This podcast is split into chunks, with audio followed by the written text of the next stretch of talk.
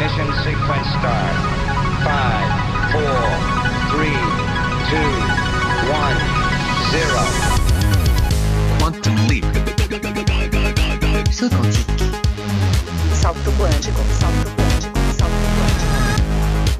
Quantum Salto quantico. Salto quantico. Salto quantico. Kvantum, det du inte visste att du ville veta. En riktigt god eftermiddag på er, eller morgon om ni lyssnar på lördagens repris till exempel. Det här är hur som helst Kvanthopp och jag heter Markus Rosenlund. Idag ska vi snacka med en av de riktiga tungviktarna inom global hälsa. Peter Piot är chef för London School of Hygiene and Tropical Medicine och han var med i teamet som upptäckte ebola på 70-talet. Ehm, han säger att influensan är det absolut största hotet mot vår hälsa just nu och i framtiden. Förr eller senare kommer nästa stora pandemi i stil med spanska sjukan som skördade tiotals miljoner liv efter första världskriget. Ändå tycks alla bara vilja tala om hiv, aids och ebola till exempel. Det finns en orsak till det, menar Peter Piot. It's about sex. It's everywhere. Everybody can have it. Most people have sex. And um, Ebola is the fascination, I think, of blood, dying, um, and uh, it is frightening to be honest. Sex, blod och död.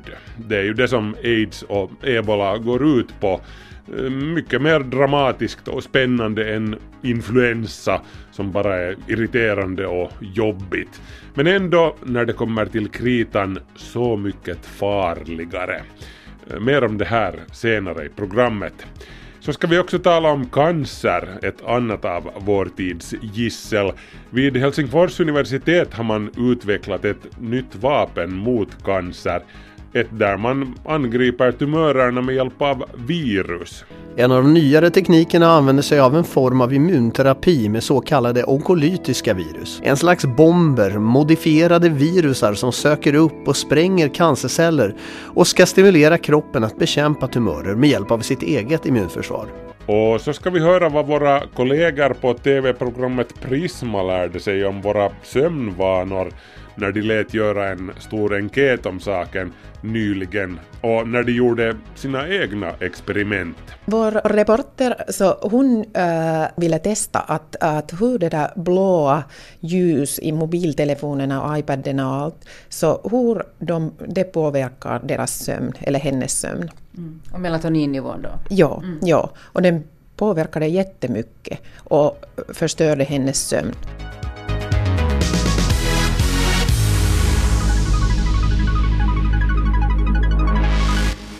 Nu blir det notiser.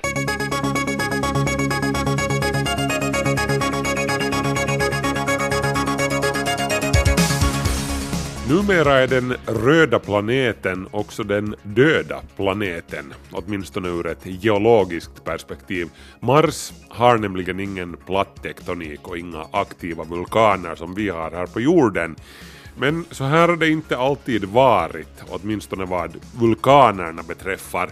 Nya studier av en meteorit som härstammar från Mars tyder på att Mars kan ha varit vulkaniskt aktiv i minst två miljarder år.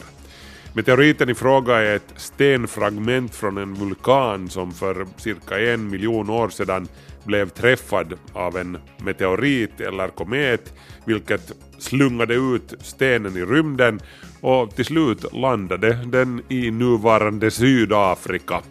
Hur som helst så bevisar studien att Mars har solsystemets mest långlivade vulkaner. Den högsta vulkanen på Mars är 27 kilometer hög, vilket är tre gånger högre än jordens högsta vulkan, Mauna Kea på Hawaii. NRK rapporterar om en sjuk val, en småhuvudval som strandade på grunt vatten utanför ön Sotra i västra Norge. Valen var så sjuk att man tvingades avliva den och när forskarna öppnade magsäcken på den så var det en tröstlös syn som mötte dem.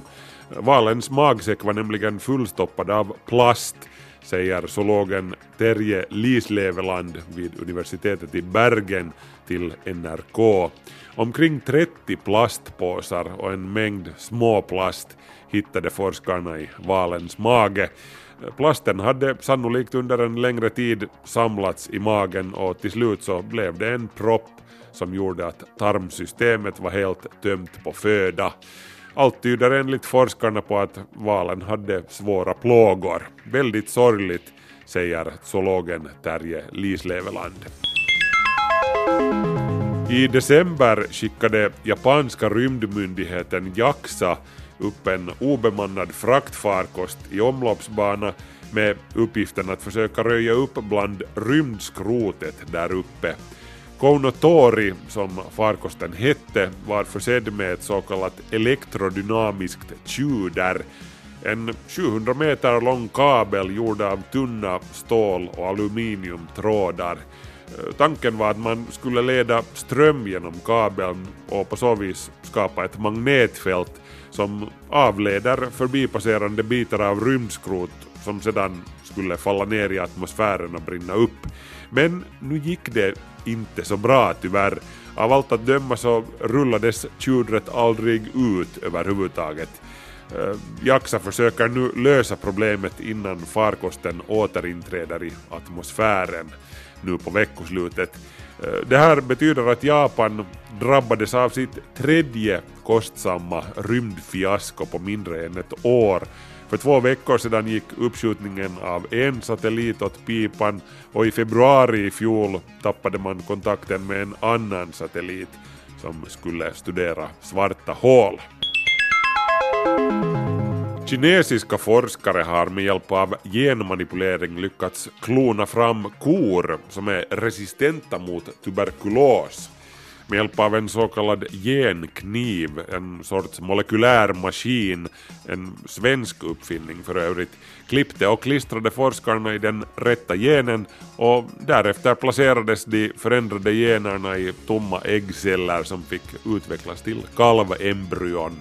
Och de inalles 20 kalvarna som föddes visade sig mycket riktigt ha en förhöjd motståndskraft mot bakterien M. bovis som orsakar tuberkulos i kor, vilket inte är något större problem här hos oss, tuberkulos i kor alltså, men det är ett stort problem i resten av världen. Eh, mer forskning behövs hur som helst nu för att finslipa den här reproduktionstekniken och utreda hur man kunde använda de resistenta korna som föräldrar för att sprida egenskapen till kor i länder där tuberkulos är ett problem.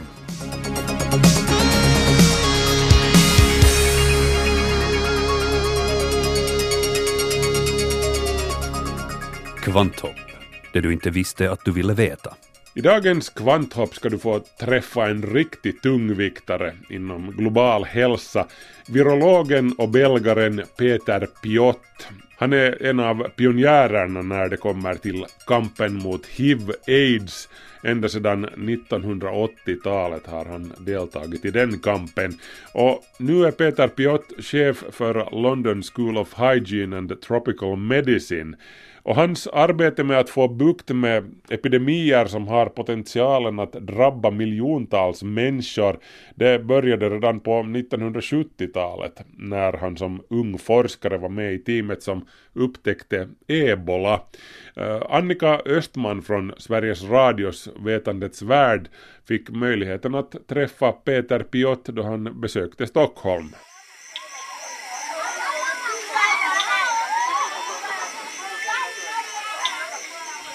The first known Ebola outbreak was in what was then called Zaire, now Democratic Republic of Congo in Central Africa, uh, in 1976.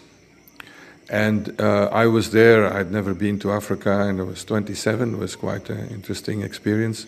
Peter Piot är en gigant inom global hälsa.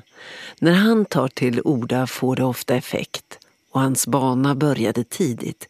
Redan som ung forskare när han var 27 år var han med och upptäckte ebola 1976 i det som hette Zaire, nuvarande Demokratiska republiken Kongo, som tidigare var just en belgisk koloni. I Antwerpen i Belgien jobbade Peter Piot i ett team som hade fått ett blodprov från en kongolesisk läkare, Jean-Jacques Muyembe Tanfum. Tanfum som under dramatiska omständigheter hade forslat en sjuk nunna från det avlägsna området Jamboko i nordvästra Zaire till huvudstaden Kinshasa. Allt för att kunna skicka hennes smittade blod till Belgien så färskt som möjligt där det undersöktes av Peter Piot. Där Peter själv sen kom till Afrika för att fortsätta kartläggningen var det omtumlande för honom. This was in a remote area. They had no infrastructure, no ways of controlling it. But in these days nothing happened. De hade ingen infrastruktur och ingen möjlighet att kontrollera utbrottet och på den tiden hände inget mer, berättar Peter Piot. I det första utbrottet av ebola var dödligheten hög. På den tiden var man inte så noga med att sterilisera nålar. Först trodde man att det var malaria, sen tyfoid, men nålen i sprutan till den första patienten, en lärare, användes sen till andra patienter på det lilla missionssjukhuset i Jambuco. Samtliga patienter dog. Men man isolerade de smittade så så småningom dog sjukdomen ut av sig själv. Den gången. Sen har den återkommit många gånger i full kraft men begränsad till små orter i olika centrala delar av Afrika. Men så i december 2013 så smittades en tvåårig pojke i Guinea i Västafrika, troligen av en fladdermus. Han smittade sin treåriga syster som i sin tur smittade sin mamma och mormor och en väninna. Väninnan kom från grannlandet Sierra Leone och när hon återvände hem tog hon med sig smittan till Sierra Leone. Men det dröjde flera månader innan myndigheterna i Guinea och Sierra Leone insåg att ebola för första gången hade kommit till Västafrika. Och ännu senare, i augusti 2014, så slog Världshälsoorganisationen WHO larm. Då hade också Liberia drabbats och när två amerikanska personer drabbades där, en läkare och en sköterska, så ledde det nästan till ett hysteriskt mediaintresse. Two Americans working in Africa have tested positive for the Ebola virus. Soldiers from the U.S. have arrived in the Liberian capital, Monrovia. Brantley knew the danger, but when an Ebola outbreak hit It seems the Ebola outbreak in He's West risked his own health in the treatment Monrovia. of Panic has set in after almost 30 What would happen if the deadly Ebola virus made its way to the United States? there is no known cure. Because you can wonder why uh, is Ebola, did it hit the news and was got so much attention? Man kan undra varför ebola fick sånt medialt intresse när det finns så många andra epidemier som ingen pratar om. Men både aids och ebola hade jag turen att få jobba med och det blev de två epidemier som kom att definiera så mycket, säger Peter Piot. Han förvånas över att svår akut respiratorisk sjukdom, sars, och dess variant i Mellanöstern, mers, båda två svåra lungsjukdomar, inte alls fått lika mycket uppmärksamhet som ebola. Men han har en tes om varför just aids och ebola fångat mediaintresset. It's about sex. It's everywhere. Everybody can have it. Most people have sex. And um, Ebola is the fascination, I think, of blood, dying, um, and uh, it is frightening, to be honest. Med aids så handlar det om sex. Alla kan få det. De flesta människor har sex. Ebola, där är det fascinationen kring blod och döende. Och för att vara ärlig, det är skrämmande, säger Peter Piot. Ebola dödade 11 310 personer i Västafrika. Av aids har betydligt fler dött. Hittills 35 miljoner människor. Och trots att det numera finns mediciner som kan bromsa hiv att utvecklas till aids så dog 1,1 miljoner personer under 2015. Så på fyra dagar dog det alltså lika många aids som det gjorde under hela ebola-epidemin. The biggest risk that we run is uh, influenza, is a flu epidemic. Um, but that doesn't seem to bother people that much. Den största risken är influensa, en influensaepidemi. Men det tycks inte oroa folk lika mycket. Because the big one, in California they talk about the big one, which means the big earthquake that one day we'll have. In uh, our field in infectious diseases, the big one is a big influenza epidemic.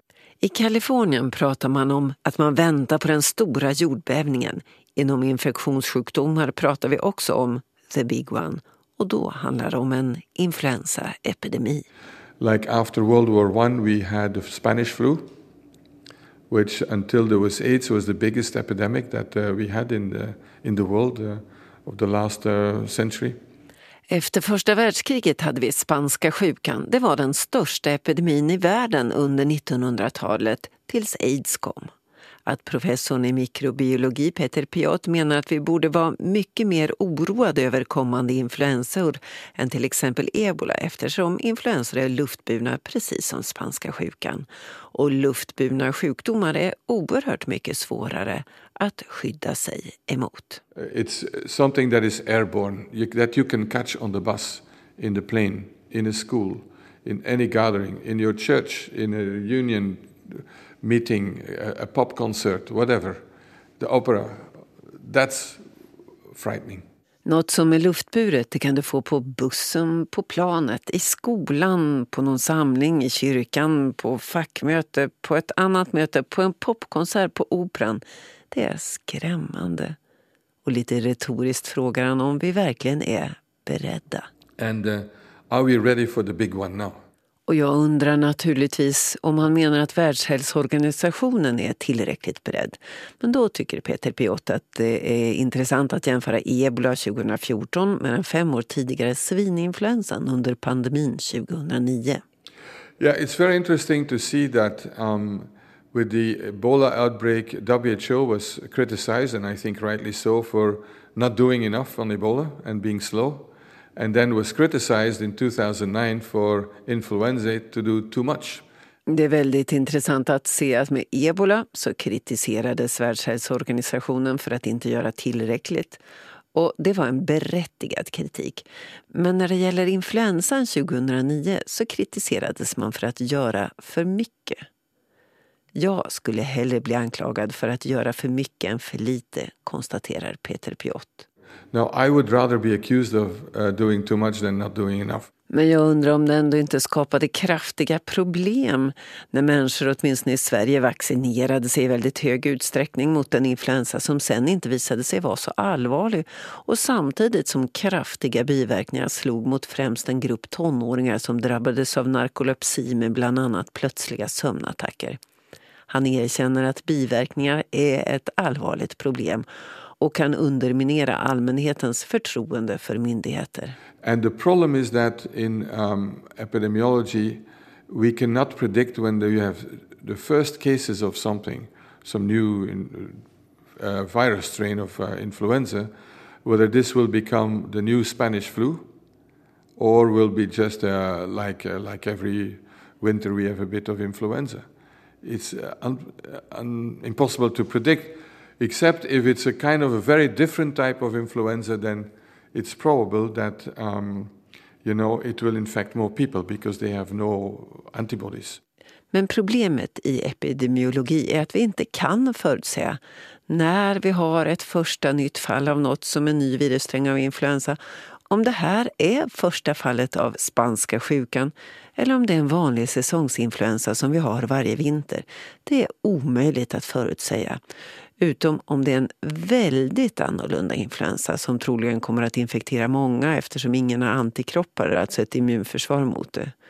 Men att förmedla den här insikten, menar Peter Piot, är svårt. We live in a society where on the one hand we want uh, total security, no risk, be protected from everything. But on the other hand, we have not much trust in what the government does and we want to do our own thing. Problemet är att vi lever i ett samhälle där alla vill ha total säkerhet och bli skyddade från allt. Men å andra sidan litar vi inte särskilt mycket på vad regeringen gör och vill istället göra allt på vårt eget sätt, säger Peter Piot. Du lyssnar på Vetandets värld med Peter Piot, en internationell gigant inom global hälsa och som har perspektiv när han som ung forskare var med och upptäckte ebola till att under många år leda FNs arbete kring aids. Och för tio år sedan kandiderade han till att bli chef för Världshälsoorganisationen WHO men förlorade med en rösts marginal. I år är det första gången på tio år som en ny chef ska väljas. Just nu pågår kampanjandet. Han själv ställer inte upp igen. Men sex kandidater kämpar om att få leda världens hälsoarbete. And so uh, it's like being Secretary General of the United Nations, and but then for health, the Director General of WHO. So you need very strong leadership, and that is not trying to follow um, what all the member states say, because then nothing will happen. Det är som att bli FN-chef, men inom hälsa. Men du får inte göra vad alla medlemsstater säger, för då kommer ingenting att hända. Peter Piotr menar att det viktiga är att agera, särskilt vid epidemier.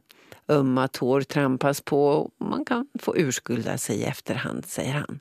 Som med aids, där kondom var och är det bästa skyddet men som inte omhuldades av länder som USA och flera afrikanska på 80-talet när man ansåg att kondom det skulle leda till lössläppt sexuellt leverne. Och även om han har varit en av WHOs fränaste kritiker genom åren så är han också en av dess största förespråkare.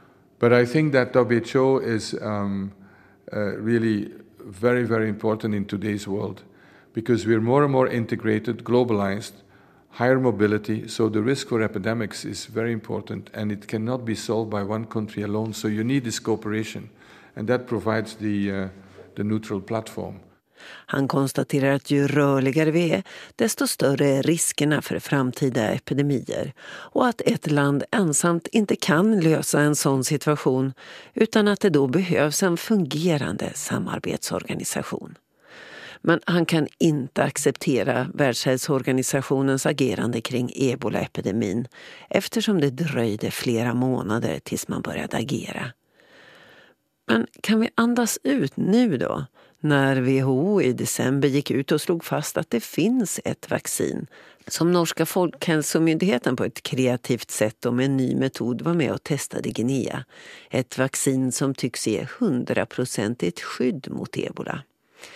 Ja, vi kan inte slappna av riktigt, menar Peter Piot, för ingen vet hur länge vaccinet skyddar.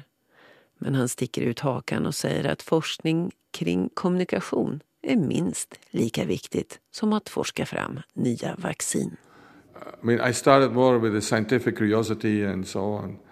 But now I'm more and more convinced that we need to listen far more to people and to communicate and to learn how to do that uh, in a way that um, um, is, you know, um, it, everybody can understand, but also that we have feedback jag började min karriär utifrån vetenskaplig nyfikenhet men nu är jag mer och mer övertygad om att vi i mycket högre utsträckning måste lyssna på folk och kommunicera på ett sätt som alla förstår och att vi också får respons. And that uh, is worth uh, support for research as much as um, developing a new vaccine.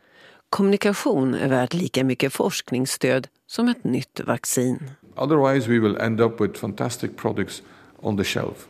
Nobody uses them. Annars kommer det att sluta med att vi har fantastiska produkter på hyllan men som ingen kommer att använda, säger Peter Piot. Och han trycker på att det inte räcker med att informera om någonting utan att man måste kommunicera för att förstå vad som skapar rädsla hos individer, se vad som händer på sociala medier och vilka rykten som sprids och vad som gör att några kan vara tveksamma till till exempel vaccin. Och där är han självkritisk och anser att läkare inte alltid har varit särskilt bra på att ha den öppenheten och att kunna kommunicera. So it's, you need people's trust and you need systems to deliver them. Du behöver ha folks tillit och system som sen kan förmedla vacciner. Och för att få det att fungera måste man börja investera i sjukvård i fattiga utvecklingsländer, menar han. And the number one lesson for me is we need to invest in uh, infrastructure in the most vulnerable countries so that they know when there's an epidemic. Men när jag undrar hur rimligt det är att ett fattigt, krigshärjat land börjar investera i hälso och sjukvård för att vara beredd på en epidemi som kanske aldrig inträffar så säger Peter Piot att man inte får tänka så. And so then preparing for something that may never happen is not a ideal. But it's like having a fire brigade, you know. Um, you uh, wish that the fire brigade never has to do anything, that they can stay in their caserne. And yet you don't start a fire brigade when the house is on fire.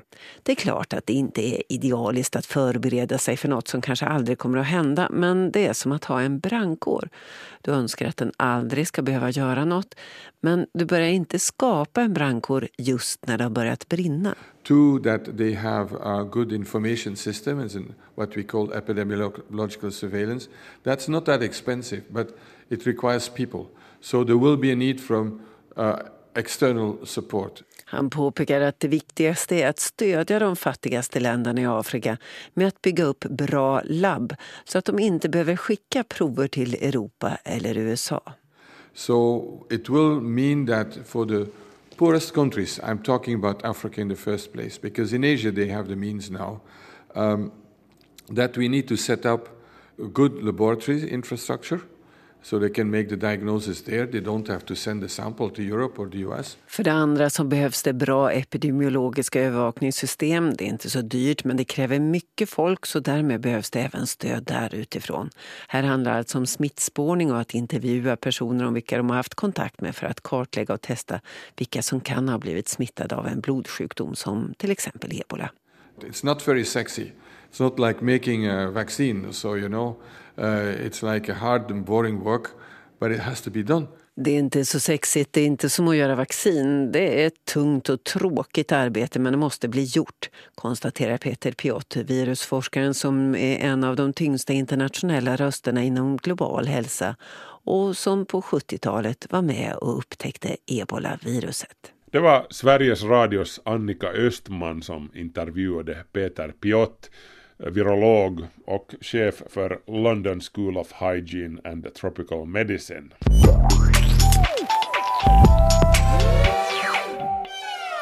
Yle.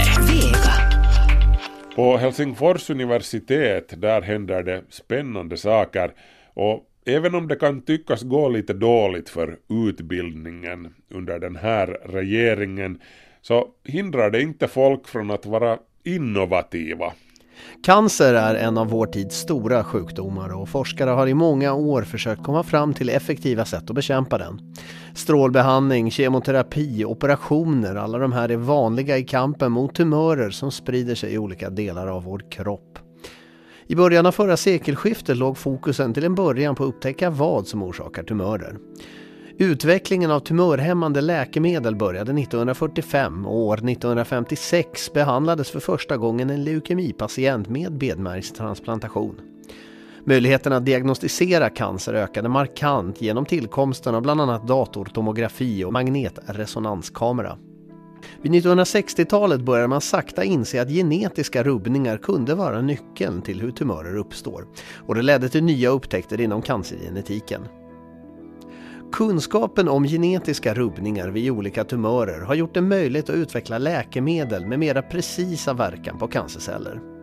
En av de nyare teknikerna använder sig av en form av immunterapi med så kallade onkolytiska virus. En slags bomber, modifierade virusar som söker upp och spränger cancerceller och ska stimulera kroppen att bekämpa tumörer med hjälp av sitt eget immunförsvar. Det finns ett flertal olika versioner i bruk eller i olika stadier av forskning i samhället idag. Helsingfors universitet tillsammans med företaget Vallo Therapeutics har uppfunnit ett nytt sätt att effektivt använda sig av de här onkolytiska virusen. Men vad är det för fel på den teknik som redan nu finns? Vincenzo Cerullo, biträdande professor i immunologi vid Helsingfors universitet och mannen bakom den nya metoden, förklarade så här. So what was happening before was that the, the body was trying to get rid of the virus, and as a side effect was also getting rid a little bit of the tumor, but uh, but not in a sufficient manner. När ett onkolytiskt virus sprängt en cancercell fortsätter det att sprida sig och lämna rester av sig och tumören som sedan aktiverar immunförsvaret. Kroppen skickar så kallade antigenpresenterande celler som fångar upp, plockar isär och undersöker beståndsdelarna i de här. Informationen används sedan för att generera en lämplig respons för immunförsvaret för framtida attacker. Men med de här traditionella metoderna genereras i första hand information som fokuserar på att producera motangrepp mot viruset och enbart i andra hand mot tumören. Vi blir alltså inte så bra på att känna igen cancerceller som vi skulle kunna vara. Och det är här Vincenzo Cerullos nya teknik kommer in i bilden. Our inventions is actually let's take control of it and let's cover the virus with tumor pieces and so that we can direct the immune response exactly towards the direction we want rather than just waiting for this small degree of the anti-tumor immune response. The end result that we have achieved is that nowadays you have a system that for the majority of the immunity you will have an immune response against the tumor and just a small degree will be an immune response against the virus. So the result is that you have a... Cerullo och hans forskargrupp laddar det onkolytiska viruset med samma sorts tumör som man vill bekämpa redan från början. Så när immunförsvaret börjar samla och skicka vidare information genererar det mer information om tumören än om viruset. Det här gör kroppens immunförsvar avsevärt bättre och effektivare på att bekämpa cancertumörer, menar Cerullo. Det kanske låter skrämmande att använda virus laddade med tumörer men det är inte riktigt så farligt som det låter. It sounds weird in that sense, but when I say pieces of tumor, I don't really mean the tumor. I mean very small molecules which are called peptides, which are completely irrelevant as such, uh, but they do resemble the way our body look at the tumor. So När Cerullo talar om att lasta på tumörer så talar han egentligen om små proteiner, så kallade peptider, som återfinns i tumörerna men som i sig är ofarliga. Däremot utlöser de samma respons hos immunförsvaret som en tumör. Cerullo kallar tekniken för Pepticrad. Och med tanke på hur effektivt det här verkar vara är det frestande att tänka sig att man skulle kunna använda tekniken till att ta den här sortens behandling innan man ens fått cancer. I princip som ett vaccin. Men det är inte riktigt så enkelt berättar Cerullo. Short answer is no. And the reason is because if you would use it before it means that you will know what kind of tumor you will develop 10 years from now. För att Cherulos Pepticrad-teknik ska fungera så måste man veta vad det är för tumör som ska bekämpas. Att försöka använda tekniken som ett slags vaccin skulle kräva att man kunde förutspå vilken tumör man kommer att få. Och med tanke på hur många olika sorter det finns så är det en praktisk omöjlighet. Cancer is million diseases. So against which one who die vaccinate a person? I mean, do we know that this person will get prostate cancer or lung cancer or brain cancer? And if he gets like, you know, lung cancer, what kind of lung cancer will get? So it would be just impossible to have a, you know, a, a vaccine that will work the way we think about vaccines. Men tekniken är ändå lovande. Om man väl har haft en tumör, behandlat den med Cerullos metoder så uppstår en immuneffekt som skyddar mot den specifika tumörtypen i framtiden. Och till skillnad från andra sorts tekniker med onkolytiska virus så behöver man med Cerullos metod bara byta ut typen av peptider som lastas på viruset. Vilket är betydligt snabbare och billigare än att bygga ett helt nytt onkolytiskt virus varje gång en ny typ av tumör ska bekämpas. Pepticrad är ännu i ett tidigt skede i sin utveckling. Laboratorietesterna är gjorda, härnäst väntar kliniska prövningar innan det kan börja användas i vardagen. I would say in a moment like this, I would say 5 to 10 years. Unless these people will fall into the category where the, the, the, the company wants to do the clinical trial. In that sense, they can enroll, they can be enrolled into the clinical trial and then then, then, then in that case, of course, much, much sooner in, in 2018. But of course, De kliniska prövningarna inleds troligen 2018 och det kan dröja mellan 5 till 10 år innan vi får se det här användas i större skala. Vincenzo Cerullo är märkbart nöjd med sitt och forskarlagets framsteg. Däremot är han försiktig med att på något vis påstå att det här skulle vara sista spiken i kistan för cancer i vår samtid. I wish, but no, absolutely not. I mean, uh, I think whoever works in cancer and, or, or, and whoever like try to develop novel therapy for cancer would be very stupid to think that they are working on holy grail and they are working on the things that will cure cancer because cancer is one word but million diseases uh, so absolutely not Det här är ingen helig graal, det är bara ännu en del av det komplexa maskineriet som behövs för att bekämpa cancer, säger Cerullo. Ännu ett vapen i arsenalen av andra onkolytiska virus, kemoterapier, mediciner och annat som kan användas i kriget mot vår dödliga folksjukdom. Och fler lär komma. Det var Thomas Silén som intervjuade professor Vincenzo Cerullo. Kvanthopp snabela yle.fi. Och det ska fortsätta att handla om hälsa här i Kvanthopp. För ett par månader sedan i november kunde man via Yles sidor fylla i ett frågeformulär på nätet om sin egen sömn, om hur mycket och hur bra man sover och om man är pigg eller trött då man vaknar upp. Det var tv-programmet Prisma Studio tillsammans med Helsingfors universitet som lät göra enkäten och responsen var överväldigande kan man säga. Det välde in över 16 000 svar. Resultatet var entydigt. En stor del av finländarna är trötta och vi sover mindre än tidigare. Ulrika Fagerström har träffat Tina Torikka, producent för Prisma Studio. Nå, förra hösten så uh, tänkte vi alla här i redaktionen att våra kvällar går jättemycket att vi bara tittar på TV, på våra äh, mobiltelefoner, på iPad, allt möjligt och äh, inte gå till sängen till, tillräckligt tidigt.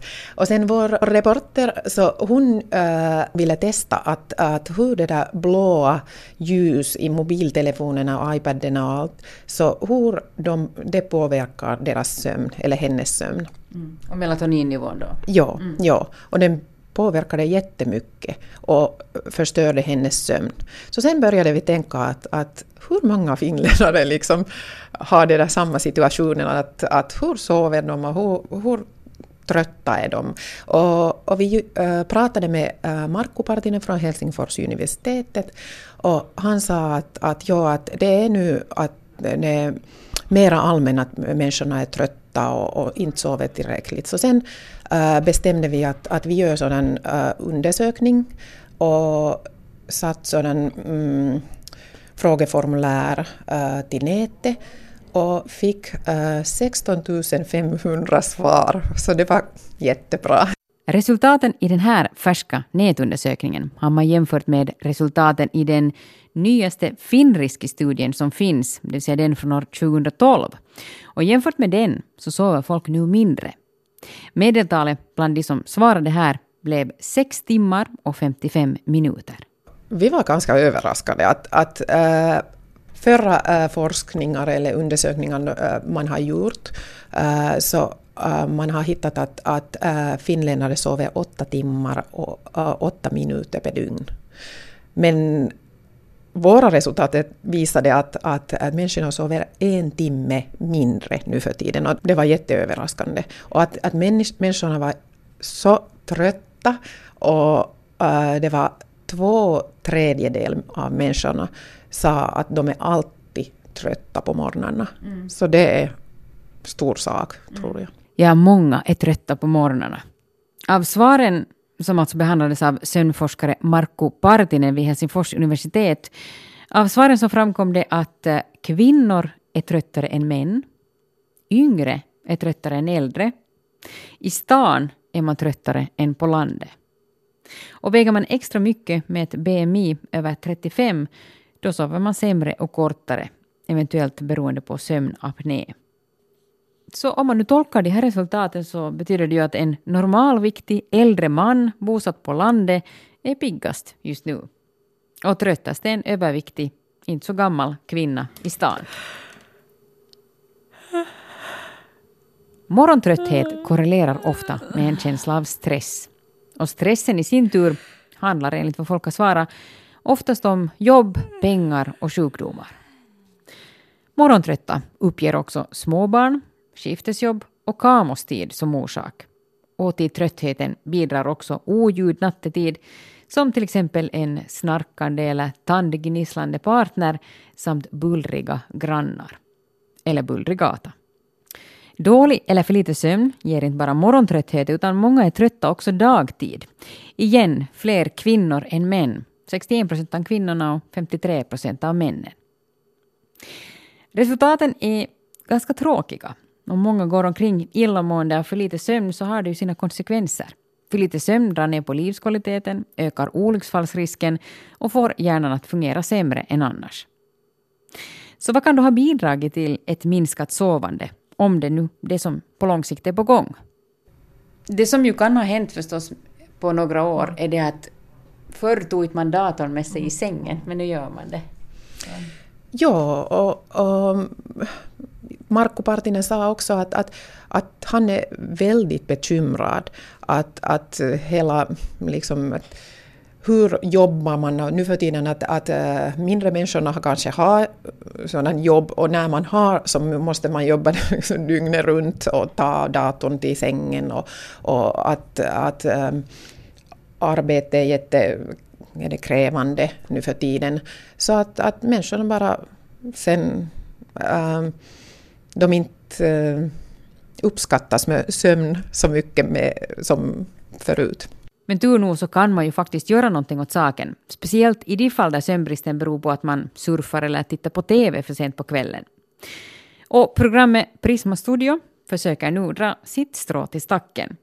Tillsammans med Må bra-helheten Vakakapina kommer man att utmana finländare att under februari månad sova åtminstone aningen mer än man vanligtvis brukar. No, vi tänkte att okej, okay, vi har de här resultaten att människorna inte sover, människorna är trötta och, och att inte kan vi bara lämna den här så här. Att sen tänkte vi att no, nu utmanar vi människorna att sova mera. Så vi har en lepohaste nu i eh, februari, hela februari. Och vi utmanar människorna att, att eh, de skulle sova kanske en timme mera per dygn, halvtimme mera, lite mera. och vara mera liksom sen, att känna sig bättre. Hur ska du själv gå tillväga? Du ska säkert också sova mer.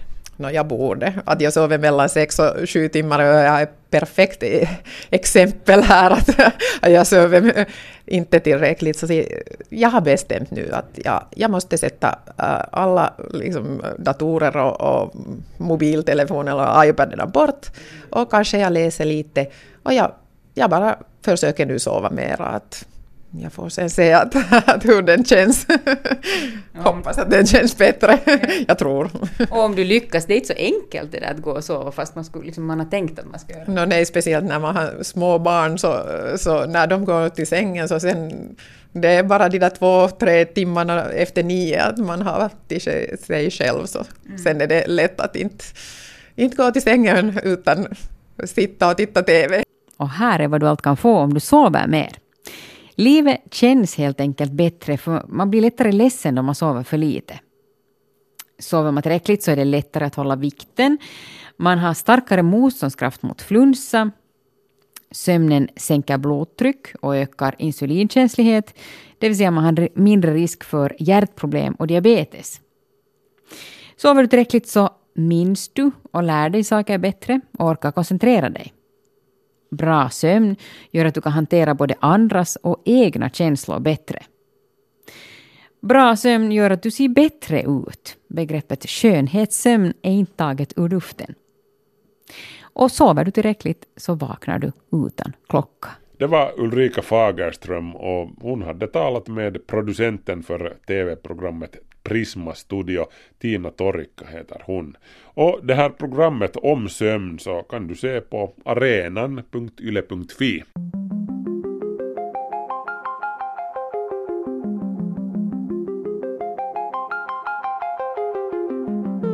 Kvanthopp, det du inte visste att du ville veta. 12 000 kilo stekfett från julskinkor. Så mycket skänkte finländska hushåll till kampanjen Skinktricket, rapporterar Ny Teknik.